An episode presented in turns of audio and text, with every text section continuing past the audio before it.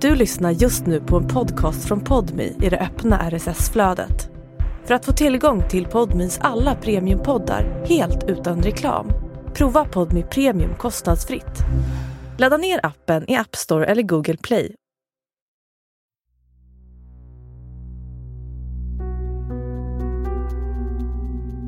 Det här är Utanför murarna, där jag, Josefin Freje, träffar människor som suttit i fängelse för grova brott, men som nu är ute i samhället.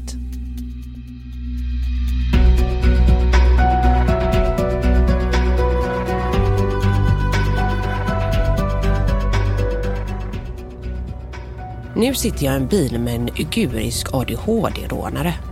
En kille som kanske kan sammanfatta hela ADHD-generationen. Den där som eh, våra kära politiker inte har en aning om vad de ska göra med. Hårdare tag, förebilder, bättre skola. Ja, vad fan gör man med en sån som dagens gäst? Dilion Rexiti, som hade sju punkter i belastningsregistret redan innan han fyllt 18 år och som tände eld på ungdomsfängelset. Han har rånat det mesta som går att råna, jagat spänningen och trots goda insatser av vuxna blivit en fuck-up för att sedan nu har stört upp sitt liv utanför murarna, skrivit en bok och kanske, kanske lyckats använda sin ADHD som ett hemligt vapen, en superkraft. Jag säger som den där dåliga reklamen som gick på tv. Vad är hemligheten? Sen körde jag på eh, många gånger. Tills jag torskade första gången, då var jag 15. Alltså man har inte vapen för människorna. Eh, typ automatvapen. Utan det är ju mer för när larmet går så att polisen ska få veta att det finns ett automatvapen inblandat på något ett eller annat sätt.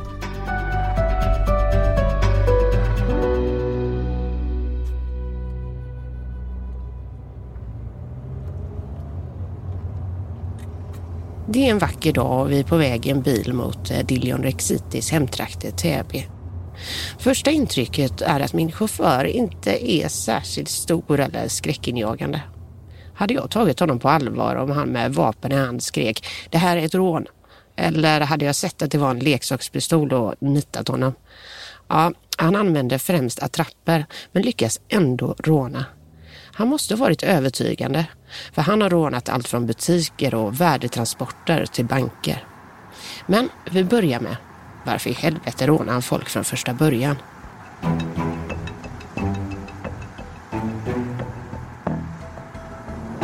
Alltså ska jag vara helt ärlig, jag har inte, jag vet, jag, om jag ska vara helt ärlig, jag börjar nästan nu i mina äldre dagar tro att det är mer för kicken liksom. Ja. För eh, spänningen, kicken, adrenalinet. För det känns ju när du väl är inne i den, alltså när du väl är inne i momentumet så allting blir ju som en film. Typ. Ja.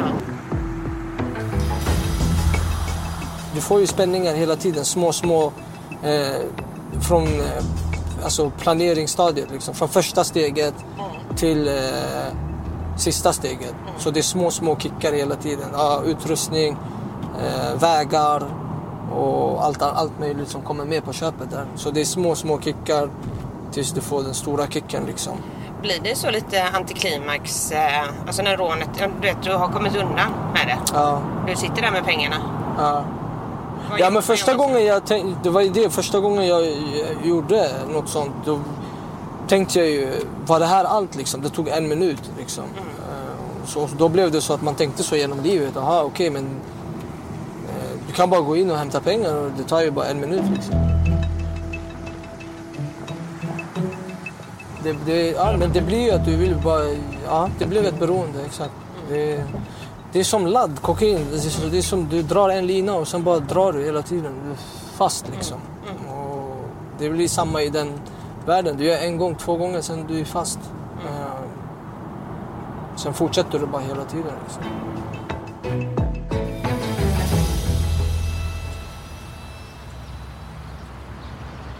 Vi parkerar framför några nybyggda fina lägenheter i Täby. Det är barnfamiljer för hela slanten. Just den här lyan är ganska ny för Dillion. Efter sitt sista muck för sex år sedan fick han ett ryck och packade väskan för att åka bort från allt, till Portugal. Nu har han nyligen kommit hem till Sverige igen. Jag har bott här eh, alltså jag har bott här i ett halvår typ. Mm. Ja, ungefär. Hur fick du den här lägenheten? Jag hyr. Men det är inte lätt att få en lägenhet bara sådär. Nej, jag vet. Men eh, man får dra lite trådar. Som det, ja, man hyr. På, Kontakten. Ja, exakt. Det är en fin och nyrenoverad lägenhet. Vi ska snacka om Dillions resa hit. Men helt ärligt tog det lite tid att ens hitta hans personnummer i researchen. Han kallar sig för Dillion eller Dille och har gett ut en bok som faktiskt är bra som heter Mitt liv som rånare, en uppväxt på ungdomshem och fängelser under namnet Diljar Rexiti. Men författaren Diljar Rexiti, hittar jag någon sån i folkbokföringen? Nope, nada, nothing. Finns ingen med namnet Diljar i förnamn och Rexiti i efternamn i landet. Han existerar inte. Det stör mig. Jag skulle göra lite research på dig. ja, Så jag bara, du vet, slår in sådär, du vet, för att hitta personnummer och gräva, gräva. Ja. Eh, Så jag bara, men vad fan, det finns ju inte. Du vet, jag, tog ju, eh, så du, som du ja, jag är ingen offentlig person, det är därför. Nej, men du vet, jag tog stavningen eh, som var på din bok. Din bok. Ja, Men eh, när jag typ kollar så här handlingar och sånt så Mm. har du ju liksom, då står det så här, alltså, di, li, Ja, jag vet. Ja, Ja, jag vet. Eh, problemet är att det har, stått så hela tiden sen jag kom till Sverige. Mm. Det har blivit så fel på passet. Så de har skrivit typ fem namn, men det ska vara ett namn. Det ska alltid, ja, allt ska vara tillsammans och utan et. Aha. Men sen har det blivit att det har blivit så... Vart jag än har gått till, så här, vad heter du? Di eller Li? Dillion, eller Dilia enligt myndigheterna, har ett eh, ganska så fult brottsregister. Rånat massa småföretag, banker, värdetransporter och skrämt livet ur människor som bara trodde de skulle ha en vanlig dag på jobbet. Han har suttit inlåst på hem och fängelser i nära tio år och innan sin 21-årsdag hade han åkt fast för minst 12 olika brott. Idag har han gett ut en bok där han pratar om att söka förlåtelse. Men varför ska man förlåta någon som ägnat större delen av sitt liv till att sabba för andra? Det börjar tidigt. Kan du eh, berätta om eh, ditt första rån? Råd? Rån? Jaha, råd. Inte råd. råd. Råd vill jag inte ha. Ja, jag har bra råd hur man kommer till Kronofogden snabbt. Nej, men eh, eh, mitt första rån, ja. Eh, då var det mer att man tömde dagskassorna liksom. Hade ni med er någonting då liksom? Eller varför skulle de ge pengarna till en 15-åring? Eh, ja. Nej, ja, vi hade ju med, ja, en, vapen, alltså en vapenattrapp. En, mm, som inte, alltså det är en leksak, det är inte riktigt vapen. Men de tror att det är riktigt Ja, vapen. det, jag tror, det är ingen som tänker just då när det händer sånt om det är riktigt eller inte. Men eh, eh, ja, första gången jag gjorde ett rån så var det ju mot, eh, mot en butik och då, då eh, det gick inte så jävla bra. Eh, och ehm, Vad hände? jag, nej, men jag blev själv stressad över situationen. Eh, jag trodde inte det skulle komma in så mycket adrenalin i kroppen liksom. Och eh, jag blev typ väldigt eh, chockad själv. Alltså, jag blev chockad, de blev chockade, alla var chockade bara. Och jag blev så här... Men på något sätt efter det så var det så här, okej det är det här jag vill göra. Så, och efter det så fastnade jag, så körde jag eh, på många gånger. Tills jag torskade första gången, då var jag 15. Eh, och då åkte jag fast eh, för rån. Mm. Eh, ja, precis. Jag dömdes för det sen också till ungdomsvård. Alltså just med dina rån, alltså hur my- mycket tror du att du har rånat eh, genom åren? Liksom? Hur många jag kände på mig att den frågan skulle Ja. komma. Jag, jag kan inte svara på det. Det är x antal gånger. Men det är många. Många? Ja. Ja. Efter hans rånardebut som 15-åring på ICA gick det minst sagt snabbt. Han ville veta mer. Hur gör man det perfekta rånet? Hur mycket pengar kan man komma undan med? Lite som att han såg rånare som vilket annat yrke som helst som man kan göra karriär på. Vid de flesta rånen använde han vad jag kallar för leksakspistoler, alltså vapen som liknar riktiga vapen men inte är det. Även om de måste känns högst verkliga för de stackare som fick dem riktade mot sig. Vid några få rån var det dock riktiga vapen med dödliga kulor i. En sak jag dock undrar när jag läser hans domar. Varför använder han ibland värsta automatvapenreplika istället för en enkel eh, Glock? Och jag ska få lära mig en rånarlogik jag inte kände till. Alltså man har inte vapen för människorna. Eh, typ automatvapen. Eh, det, det, är inte för människor.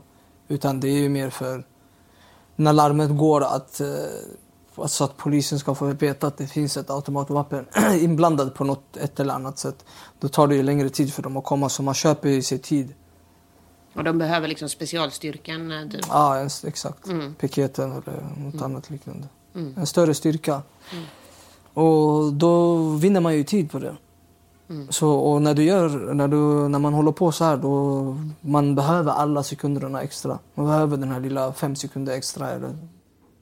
Och... Uh... A new year is full of surprises. But one thing is always predictable. Postage costs go up. Stamps.com gives you crazy discounts of up to 89% off USPS and UPS services. So when postage goes up, your business will barely notice the change. Stamps.com is like your own personal post office, wherever you are. You can even take care of orders on the go with the mobile app. No lines, no traffic, no waiting.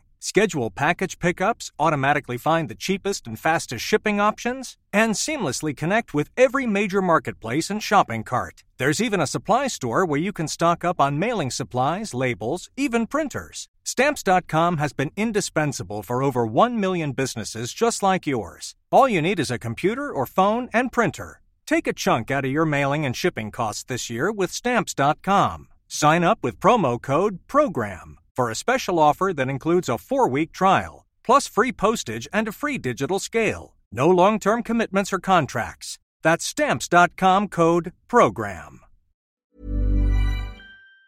Um, när du gjorde de här grejerna då, du fick liksom en, eh, som en kick av det. Mm.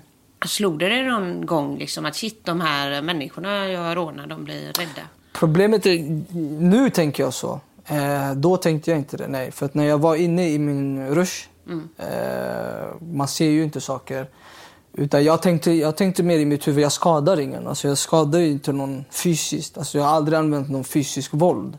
Så jag har aldrig tänkt typ så att, ah, men okej okay, jag skadar någon alltså på, på det sättet. Alltså, jag tänkte inte på den mentala delen liksom. Mm. Eh, och på något sätt, alltså någon sjuk grej, jag vet inte. Det, det, det kändes som att jag, jag, tyckte, jag såg inte det som ett brott. Typ.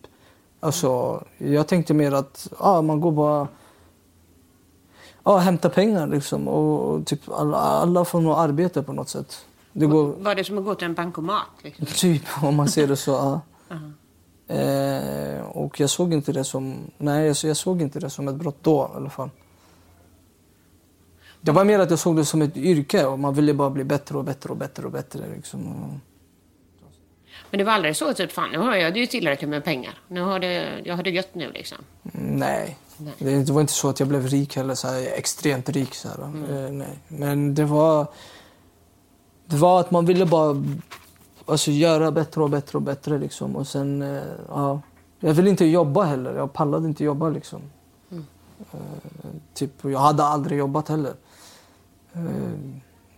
Jag försökte få söka jobb emellan också. Eh, men det funkade inte. Det funkar inte att söka jobb. Mm. Medan jag sitter där i soffan träder mer och mer en bild fram av Dille, Diljon, Diljar. Att sådant som vi andra dödliga gör trots att det är astråkigt, typ plugga, skaffa ett jobb, det är ingenting för honom. Han verkar under sin uppväxt känt att han bara kan skita i allt det där. För det är ju jobbigt eller det funkar inte. Och nu kommer ingen snyfthistoria om att han har haft en så hemskt uppväxt. Han verkar ha haft en riktigt bra och trygg uppväxt med en mamma som verkligen brydde sig. Trots det gjorde han valet att inte tjäna pengar utan att ta andras. Hur löser man en sån attityd som nu verkar vara roten till många av de ungdomsbrott vi ser i Sverige idag? Ja, ja alltså jag får låta som en tant, jag har ändå fyllt 40 nu. Du vet, mm. alla snackar nu för tiden så här om ja, men hur ska vi stoppa ungdomar från att rekrytera sig gäng och mm. begå brott. Mm. Men när man lyssnar på den här boken så tänker jag så här, men shit, det var ju en massa folk som gjorde rätt. För när jag läste din bok så, alltså din mamma är liksom välutbildad, mm. verkar ha höga ambitioner. Mm, liksom. Eh, Alla i familjen är ju, det är bara jag som blev typ en soppåse. Nej, inte, inte en soppåse, men du fattar. Ja. Eh, Det var bara mig, det blev något konstigt. Eh, Ja, annars ja, jag hade eh, alltså, bra blandat. Liksom, så här. Jag hade äldre personer som sa åt mig och försökte vägleda mig på ett eller annat sätt. men ändå blev det så Ändå fel. blev det, Det blev knas. ja, ändå blev det knasigt. Varför tror du att det blev så? Jag har ingen aning, jag vet inte. Nej. Var kommer det då ifrån, viljan att begå brott? 100 miljoners frågan för alla våra partier från vänster till höger. Inte är det mamman och de vuxna bra förebilder han hade i sitt liv. Inte är det SOS och rättsväsendet att de inte såg honom. De satte in insatser redan när han var 14 år med familjehemsplacering. Så jo, vet ni vad svaret är? Det är Hasse Aros fel.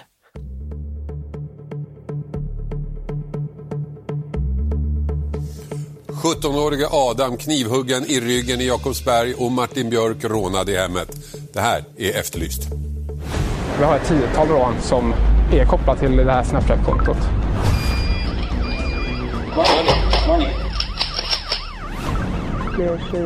Det var ju att jag eh, av någon konstig anledning fick en fascination. Jag blev typ ja, alltså fascinerad på något konstigt sätt. Eh, när jag var liten, jag brukade kolla mycket på Efterlyst och andra program, filmer och sånt. Så då såg man eh, ja, mycket rånhändelser. Rån, stölder eh, som gjorde att jag eh, på något sätt tänkte, "Åh, vad är det här liksom? Du var inte den som hejade på snuten liksom? Nej. Nej. Både sen när jag blev lite äldre, när jag satt på ungdomsfängelser och sånt, då såg man ju så dokumentärer eh, och sånt som var runt om i världen. Eh, så jag såg upp mycket till eh, ja, rånare runt om i världen. Liksom. Franska rånare. Vad var det som var så lockande med dem? Liksom? Varför blev det förebilder och inte den här eh, polisen som sitter och Det, jag vet och... inte, det vill jag fråga mig själv. Om jag kunde se mig själv när jag var litet barn, jag skulle fråga varför, vad är det som är så intressant med det här? Men det blev ju någon form av... Eh, jag vet inte, det kändes som... Alltså det, var, det, det var typ som att ah, det här är agenter, hemliga agenter typ, som be, begår operationer. Missar du den biten att de nästan alltid åker fast i både Efterlyst och Ja, jag, jag hittade inte den avfarten. Jag såg inte den avfarten, nej. I alla tider har vuxna och politiker, ja, jag skiljer på de två, eh, försökt hitta den heliga graalen. Vad gör att unga begår brott och hur får vi stopp på det? Så här lät det på 90-talet. Då var det hårdrockens fel. I alla fall om man skulle tro SVTs Sivert Öholm och gänget. Och eh, Anders är eh, redaktör på en eh, tidning, en av de många rocktidningar. Den här den heter Rocket, den som han ger ut. Eh, hårdrock, ja det är den typ av rock som vi har läst rätt mycket om i tidningarna. Bland annat eh, det amerikanska bandet eh, W.A.S.P. We are Satans people, vi är Satans folk. Vad tycker du om den här typen av hårdrock? Är det hemsk? Jag tycker den är fruktansvärd. showen där Black Lawless skriker I fuck like a beast. Och där han frågar Som ja, betyder knulla som en bäst. som ett vilddjur. Ja, som ett vilddjur. Det har alltså varit hårdrockens fel, VHS-bandens fel, videovåldet, det är porrens fel, drogernas fel. Den senaste debatten är att det är gangsterrappens fel. Och, oj, jag glömde de hemska dataspelen. Det är deras fel. Men ligger det något i det här eller är det bara jambo jumbo? Jag vet inte, kanske. Alltså på ett eller annat sätt kanske. Jag vet inte. Alla, alla människor är så olika, du vet. Jag kan ju bara tala för mig själv liksom. Och jag fick i alla fall min, av min egen, eh, alltså av min egen inspiration så var det genom filmer liksom. Eh, och eh, det blev också att när jag eh, hamnade på institutioner och så här. Det, alltså det kändes som att det var, jag hade redan kommit in i det så att det blev att vägen blev för tung. för att alltså det var lite för långsökt att för mig att gå eh, typ alltså plugga eller söka jobb och sånt för att de dörrarna stängdes av eller de dörrarna stängdes ju på grund av att ja, man kanske hamnade redan på en institution eh, och sådär. Liksom att man blir stökig på ett eller annat sätt. En annan sak som inspirerat Dillion Rexiti, eller kanske snarare lett honom rakt in i den kriminella fällan, ja, det gör sig påmint under intervjun. Ja, just det. det, det, Får se. Ja. Du kan röra dig lite så i soffan, det Ja. är helt okej. Liksom. Det hörs när du Ja, grejar med sorry. fotringarna. Ja. Hans fötter kan inte vara stilla. Eller han kan inte vara still. Det är som tusen myror kryper under hans skinn. Jag känner av en rädsla i den här rastlösa själen att bli fast i rutiner, den grå verkligheten. Ja, det som kallas vardagsliv. Men vi andra går ju inte direkt upp klockan sex för att det är kul, eller? Men vad tror du hela den här egogrejen kommer ifrån? Alltså du tänkte inte på de som blev livrädda när du, Mm. du rånade dem. Du tänkte inte på din mamma, din familj. Alltså varför var det så mycket jag, jag, jag? Jag vet, jag vill ha en funktion. Alltså. Jag vill inte bara sitta hemma och inte göra någonting. Jag är, jag är en kille som vill göra saker hela tiden. så här, kamma dig och skaffa ett jobb. Ja, det funkade ju inte. Det fanns ju då. Men, men eh, nej, jag har alltid haft så höga... Eh, alltså jag har alltid velat göra saker bortom det vanliga som finns i livet. Eh, tror jag. Nu när jag försöker rannsaka mig själv eller göra utredning på mig själv. Då För jag vill ju bli skådespelare. Ja. Det är något utöver det vanliga vardagslivet. Så jag, har- jag, jag, var, jag har alltid varit rädd för bara just det här vardagslivet. Alltså vanliga vardagsliv. För, det, för mig funkar det inte. Alltså det är så här, att jag får ingen stimulans av det. Jag får ingen kick av det. Jag får ingen stimulans. Jag får ingen... Jag känner mig bara alltså, som en robot. Typ. Eh, Det finns en sak som många gäster i Utanför murarna har gemensamt. Obehandlad ADHD. Jag har väl troligen en liten släng av det där också då jag känner igen mig i många av gästerna. Men om man bara lite snabbt kollar på statistiken. I samhället i stort beräknas 3-5 procent ha ADHD medan den siffran bland intagna på kriminalvården beräknas vara 25-30 procent. Och förutom uppenbara tells som att somna av tjack eller vara rastlös finns en sak som troligen förklarar överrepresentationen med kriminella med ADHD-diagnos. Kast konsekvenstänk. Men mycket av, eh, du liksom beskriver det här också då, liksom att eh, problemen med att sitta still i skolan, att vissa ämnen var skittråkiga. Du kunde koncentrera dig dock på de roliga ämnena. Men så är ju alla egentligen. Alltså, det, är ja, skittråkigt. exakt. Det är det, det, är det jag tänker. Alla människor vill ju bara göra roliga saker. exakt. Men när man har, jag tror att när man har då, då blir det extra. eh, att eh, på något sätt det här lilla extra liksom, kicken. eh, jag, hade, jag är en person som gillar att röra mig mycket. Eh, överallt typ. Jag är lite här, lite där, lite där, lite där. Jag vet, jag vet inte ens själv vart jag hamnar. Jag är bara överallt. Och eh, problemet är att alltså, om man... Ja, att eh, skolan var ingenting för mig. Liksom. Det var inte, jag, jag pallade inte sitta och läsa. Alltså, om de sa till mig läs fem meningar, jag höll på att slockna i min hjärna. Liksom. Det fanns inte i mitt huvud. Jag tänker vissa som lyssnar kan ju tänka så här, men vad fan. Alltså det är ingen som gillar att jobba, det är ingen som gillar att plugga. Nej. Men Ska man alla gå och råna då? Ja, ska alla gå och råna då? Bara för att det är liksom den enkla vägen. Ja, nej. Nej, det ska man inte. man ska inte hålla på med brott. Idag verkar Dillon kommit långt i att inse att brott är fel väg. Men samtidigt, han vet att han har ADHD, men han vill inte ta någon medicin mot det. Hur går det ihop? Hade det hjälpt dig om du fick din eh, diagnos tidigare, tror du? Kanske, jag vet inte. Det beror på vad. Inte om de vill knarka ner mig. Då hade det kanske blivit någonting annat. Du, eh, går du på någon medicin nu liksom? nej. Nej. Du testade medicin ett tag. Mm. Hur var det? Ja, det var det värsta jag gjort i mitt liv. Alltså. det var bland det värsta jag gjort i mitt liv. För att jag, jag var alltid så här Mm. Jag var alltid så här, mm, för det var mycket på institutioner. På såna här SIS-institutioner. Mm. De erbjuder ju en massa hela tiden. Hela tiden proppa tabletter hela tiden. Så. Och jag var så här fett så här, nej varför fan ska jag ta det där? Du vet, så här. Och eh, till slut så blev det att jag av någon anledning bara, okej okay, men jag testar. Till slut blir det ju, om de kommer hela tiden och erbjuder, här, här, här, du säger nej, nej, nej, nej, nej. Till slut blir det ju, ja men okej okay, jag testar. Mm. Så då testade jag. Var då, det typ amfetamin? Eller det är ju hårs, nej inte hårs, men det är, det, det är ju någonting i den. eh, koncerter fick jag. Det innehåller ju någon form av amfetamin. Mm. Eh, och då fick jag 18 milligram och sen testade jag det. Mm. och då ökar man trappa. De, sa, de, de kollade hur jag väl säkert betedde mig på avdelningen. Och så sa de att 18 funkar inte. Sen höjde de och höjde och höjde. Höjde hela tiden liksom. Mm. Tills jag fick eh, fem, 54 milligram i en tablettform. Det är den starkaste. Eh, nu vet jag inte om de har ändrat det där. Men då, så jag fick 54 och sen när jag testade den eh, då ville de lägga 54 plus 18 och jag blev så här, ska ni döda mig? fan? Alltså, Hur gammal var du då? Då var jag så högt? 16. 16? Ja, så Ja. det blev att vill ni döda mig eller vill ni hjälpa mig? Liksom, det, vad, är, vad, vad är frågan? Alltså, Hur blev du på de eh, tabletterna? Jag blev tillbakadragen. Jag blev typ nästan rädd för människor. Att Dillion och många andra kriminellas liv har påverkats av deras obehandlade diagnoser kan nog de flesta skriva under på. Men jag känner hur många som helst med ADHD som aldrig begått ett brott. Det är skillnad på att förstå sitt beteende med hjälp av en diagnos och att använda en diagnos som en ursäkt för ett förjävligt beteende. En sån förjävlig sak som Dillon gjort är mordbrand. År 2012 dömdes han till två år och fyra månader för att högst medvetet startat en brand på Klara Älvsgården.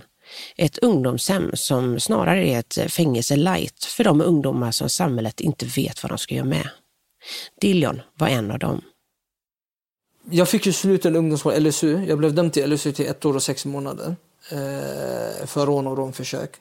Eh, och då ja, hamnade jag på ett ungdomshem. Sen blev jag ju så fucking trött på de där ställena. Jag hade börjat varva alla ställen. Eh, alltså de flesta ställen. Och, och jag hade bara sett det för mycket under mina ungdomsår och jag blev trött. Och, och då brände jag upp avdelningen liksom och fick, ja, och fick, eh, blev häktad för mordbrand. Det var ett utrymme där man kan spela, där man kan titta på film. Mm. Så jag gick in i det utrymmet och ja, tände eld på två soffor som var där. Typ. Du vet när du sitter på de där avdelningarna, man vill ju bara att saker ska hända hela tiden. Någonting, vad som helst. Det spelar ingen roll. Alltså. Man vill bara göra saker hela tiden. Man blir ju rastlös. Du vet. Och det, det stället hade jag varit på innan också. Och då, då, då, första gången jag var där, då rymde jag därifrån. Och sen andra gången jag kom dit, då brände jag upp avdelningen. Vad var, det, var det något utlösande som gjorde att eh, du ville bränna ner stället? Jag var uttråkad bara. De hade hittat en mobil i, min, i, mitt rum. Så när jag kommer hem, jag bara när jag kommer hem, kolla, institutionsskada, jag bara när man kommer hem. Nej, men när jag kom eh, till mitt rum, eh, inte hem, eh, så jag hade den så under sängen. Eh, så jag, jag, jag lyfter madrassen, då ser jag bara laddaren där och inte mobilen. Där, det var det som var utlösaren. Vem ringde du på telefonen? Vänner, eh, tjejer, Mm. eh, livet. Mm. Jag ringde till livet. En tonåring som inte får sin telefon. Alltså, det är något som händer varje sekund i landet. Men Dillions reaktion är att göra mordbrand. Och det kunde gått riktigt jäkla illa. Räddningstjänsten skriver citat. Risk för brandspridning och rökspridning till andra brandceller förelåg. Farlig miljö för människor att vistas i uppstod. Slut citat. Han riskerade alltså att bränna inne ungdomar och personal för att han inte fick som han ville. Han gjorde det utan något som helst konsekvenstänkande för en fucking mobiltelefon. Eh, Men jag trodde inte att den skulle bli, alltså branden lite sådär som den blev. Det, det, Det blev lite större. Ja, det blev lite större än vad jag förväntade mig. Eh, Så fönstren började explodera typ nästan. Vad gick för tankar genom huvudet just då? Nej, ingenting alltså. Jag, jag, ingenting. Det blev bara typ att ah, nu händer det något. Nu händer det något.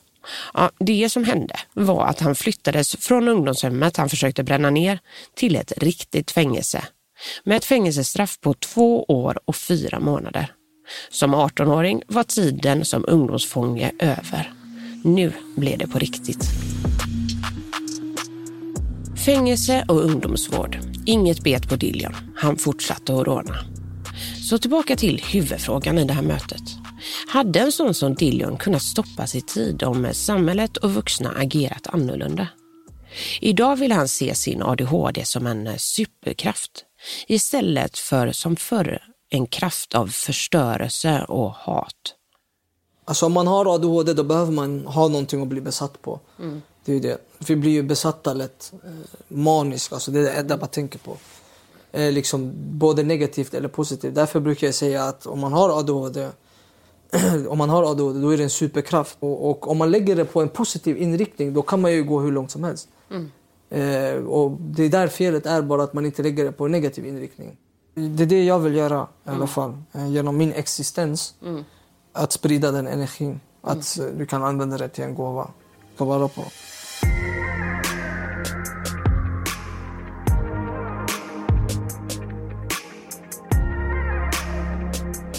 Vad ska man göra med unga personer då, som begår brott?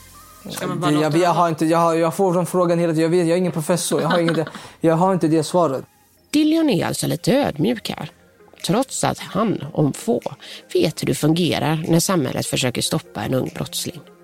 Några som däremot är övertygade om att de har svaret är våra kära politiker. Och mm. nästan alla politiker snackar om hårdare straff och just att liksom, eh, man ska bort med ungdomsrabatten och du vet, mm. in med dem i fängelse. Uh, ja, jag, vad jag, tänker du om det? Jag vet inte. Alltså. Om jag ska vara helt ärlig som människa, jag vet inte. Det kanske är eh. bättre att sätta in uh, unga direkt i fängelse. Jag vet det. Men jag tänker alltså, de har ju pratat om hårdare straff sedan 1900-talet. Mm. Alltså, varje tio år så pratar de om nya saker. Mer säkerhet, mer hårdare straff. Men det har ju aldrig funkat. Det funkade inte 2000-talet. Hur, vad säger att det kommer funka 2010? 2010 det funkade inte. 2020 de säger samma sak. Och 2030 de kommer säga samma sak. Det är som en kassettspelare som repeatas. Istället för att tänka, okej okay, hur kan vi hjälpa unga människor? Hur kan vi hjälpa dem? Istället för att säga mer säkerhet och mer så och svartmåla hit, dit, höger och vänster. Säg istället hur kan man hjälpa? Hur kan man finnas där för individen? Hur kan vi vägleda dig till, eh, eh till ett bättre liv? Vägleda för ett bättre liv. Det var dock det han i sin bok berättar att flera vuxna försökte. Inte minst hans mamma, men även andra vuxna som fanns där för honom. Både som förebilder och någon som lyssnade. En tanke slår mig. Det är lite som att Dillion hela sitt liv varit en studsande boll som folk försökt tränga in i en alldeles för liten och stillasittande fyrkantigt hål. Men i ditt fall fanns det ändå väldigt många vuxna som, som fanns där. Ja, och det vissa. funkar ja, ändå inte. Det funkade inte, nej. Mm. men det var mer att det var gå och jobba och plugga. Jag ville ju inte det. Det kanske är det där att inte försöka trycka in en boll i ett fyrkantigt hål. Liksom. Ja, men i slutet av dagen, vi alla är människor. Alla mm. har sina egna resor i livet. Eh, vare sig du är kvinna, kille, vad som helst. Alla, alla är människor. Alla har sina egna drömmar. Alla vill någonting själv. Och så gäller det med alla människor som finns, som existerar. Alla har sina egna fantasier, alla är speciella på sitt sätt. Alla har en gåva. Men det gäller att hitta sin gåva. Alltså så här, vad, vad, vad, vad är du som människa mest naturligt bra på? Utan att tänka på det. Men kanske alla andra människor runt omkring dig tänker på det. Shit vad grym du är på det här men man tänker inte på att det är något speciellt. Mm. Det är din speciella nyckel i det här livet till att ge till eh, ja, världen. Nej, nu tar jag mig friheten att stoppa Dillion där i hans eh, inspiration quotes från en rånare. Hur väl han än menar med det. För i slutändan verkar det vara en sak som verkligen gjorde att Dillion tog tag i sitt liv. Han tyckte inte det var roligt längre att åka fast. Sista rundan dömdes han till tre år och sju månaders fängelse. Och kanske var det just hårdare straff som var nyckeln. Och sådär. Och jag tänkte att om jag fortsätter, eh, jag pallar inte sitta här när jag är typ 50 och prata om eh, eh hur det var på avdelningen 2012 eller 2015. Liksom. Mm. Eh, sådär liksom. Jag tänkte att om jag fortsätter samma bana, jag kommer ju också vara här. Liksom. Eh, och då tänkte jag att jag måste ju förändra mig. Men det är svårt, det är lättare sagt än gjort. Det är jättesvårt. Det är, du, du kan sitta en tid och du, du, och du tänker jag ska aldrig mer hamna här. Men sen när du, så fort du kommer ut eh, från muren, eller så fort du kommer ut från anstalten du är på. Eh, även om det är tre år eller fyra år alltså, som du har suttit, det försvinner som smör som ingenting. Mm. Så, så fort du kom ut, det var som igår du kom in och sen bara, ah, men jag, var, jag har bara varit här en dag, sen kom jag ut. Liksom.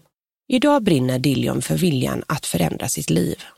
I sin bok Rånaren börjar han med att be alla sina brottsoffer om ursäkt för det han har gjort. Ett brottsoffer har han dock sett i ögonen. Det hände när han fortfarande höll på med brott, men blev ett första uppvaknande. Boken va? Ja, jag träffade ju på en av en slump. Mm. Berätta om det. Ja, det blev ju väldigt känsligt. eh, Liksom. Eh, Så jag bad om ursäkt till henne. Jag sa till henne flera gånger. eh, Bad om ursäkt till henne. Jag sa till henne, jag var, jag var inte... Alltså, jag var inte där för att skada dig. Liksom. Även om du inte vet det för stunden så vet jag det. Men jag vet att du inte vet det. Liksom. Hon kände igen dig då eller? Ja, hon kände igen mig. Och eh, vi hade en fin diskussion, jag och hon. Och jag tror att Gud för en, sammanförde oss. Jag tror att hon kanske behövde höra det från mig. Eh, eller träffa mig på riktigt. När han stod där framför kvinnan som han rånat insåg han att han till viss del förstört hennes liv. Hon har behövt ta professionell hjälp efter rånet där hon trodde hon skulle dö. Jag ser på Dillion att han skäms. Hans annars skakande ADHD-fötter är nu stilla. Hans svar till kvinnan var att hon kanske skulle kunna lägga pengarna på något annat än vård nu när hon ändå träffat roten till sin rädsla. Vi hade ett fint samtal.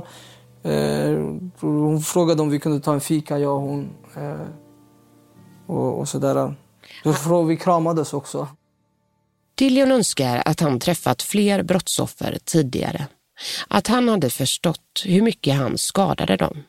I hans värld gjorde han ju inget. Han hade aldrig skadat dem. Speciellt inte då de flesta rånen skedde med låtsaspistoler. Hans bok har blivit hans väg mot att säga förlåt. Jag tror jag, ja, det är för många människor. Jag kan inte söka upp en efter en och bara kan jag... Alltså så här, liksom. Men du vill säga förlåt till dem eller? Ja, jag gör, jag, jag gör det i, i samband med boksläppet. Jag har ju sagt öppet eh, liksom, att be om förlåtelse för det, de gärningarna jag har gjort. Ehm, och sådär. Jag är inte en ond människa. alltså. Jag, är inte, jag har aldrig varit en ond människa. Jag är inte ond i hjärtat. Sen att jag har gjort fel saker, det är en, det är en annan femma.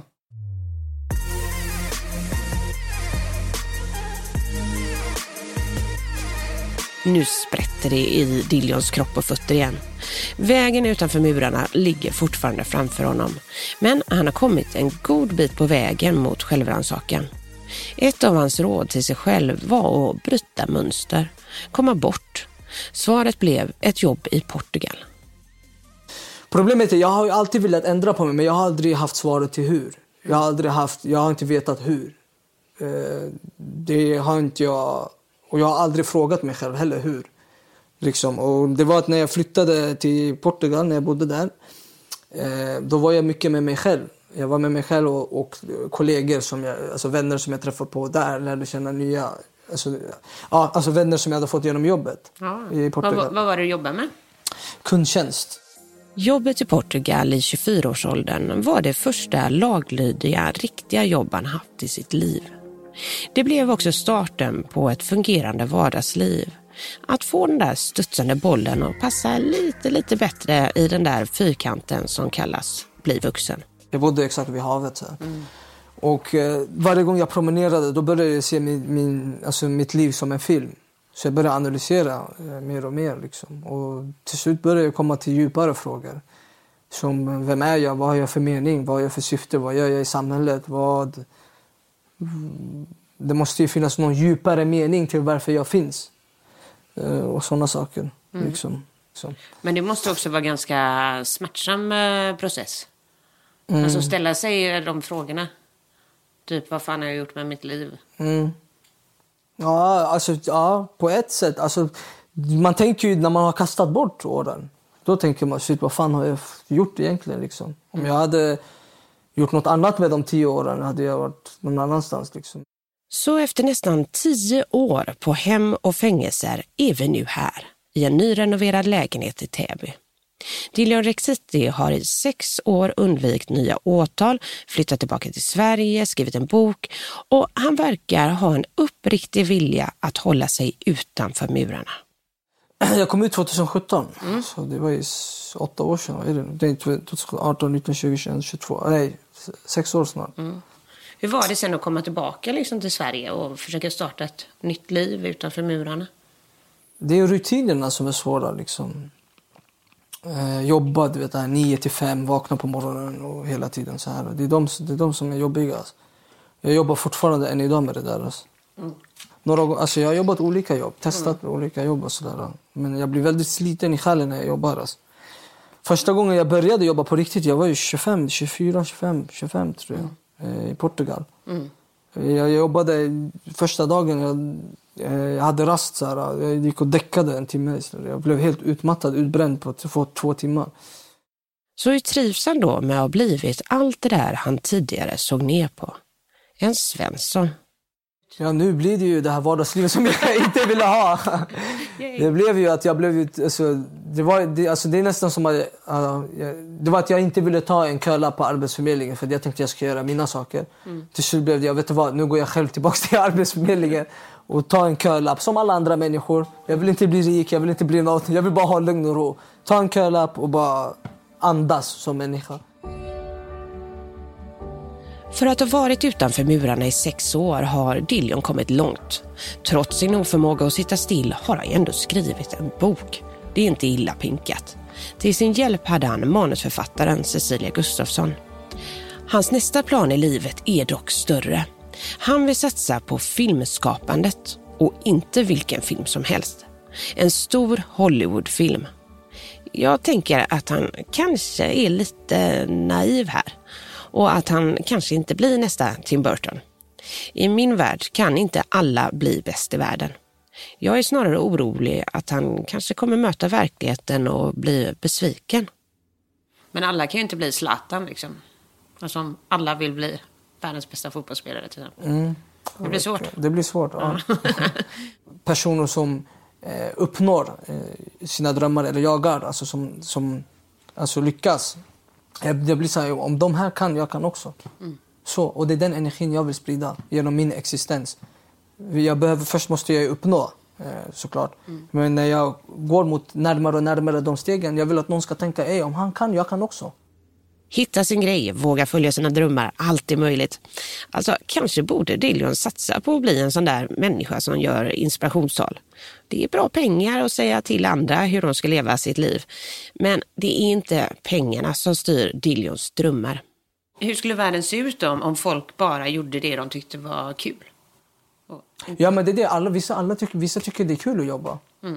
Alla tycker olika. Vissa vill bli journalister, vissa vill bli... Eh, det jag vill säga är bara, vad gör det du vill bli? Och inte att någon annan ska säga till dig. Eh, vad gör det du vill bli som människa? Men eh, saknar du ibland liksom eh, kickarna? Den, får- den frågan får jag ofta. nej. Alltså inte nu, nej. Eh, förut då, att jag, tänkte på kickar hela tiden. Eh, för jag fick ju kickar hela tiden av det. Från planeringsstadiet till hämta utrustning till allt. Så det är små, små kickar hela tiden tills stora kicken då, tills själva utförandet av stöten. Eh, så det är små, små kickar som doser du får in i kroppen hela tiden. Fram till den stora dosen. Så det är lite som knark typ. Rånen var som knark. Nu har han hittat sin väg till att bli fri från sitt missbruk som skadade så många andra människor. Det ger hopp. Och kanske borde politikerna ta lärdom av att lyssna på någon som varit ung och kriminell, men som nu lyckas bryta den banan med ett nytt lagligt liv utanför murarna. Vad skulle du säga till dig själv om du liksom, ditt jag idag fick träffa 14-åringen du? Eh, Jaga din dröm. Jaga det som du mår bra av. Så då var det ju skådespelare. Så då hade jag sagt till dem, jaga skådespelaryrket. Eh, Hur fan är råna liksom? Ja, hur fan är rån? Nej men jaga skådespelaryrket, filmvärlden. Det är det jag eh, ville göra när jag var liten, som jag tappade på vägen. Men jag, jag, jag gör ju det nu liksom.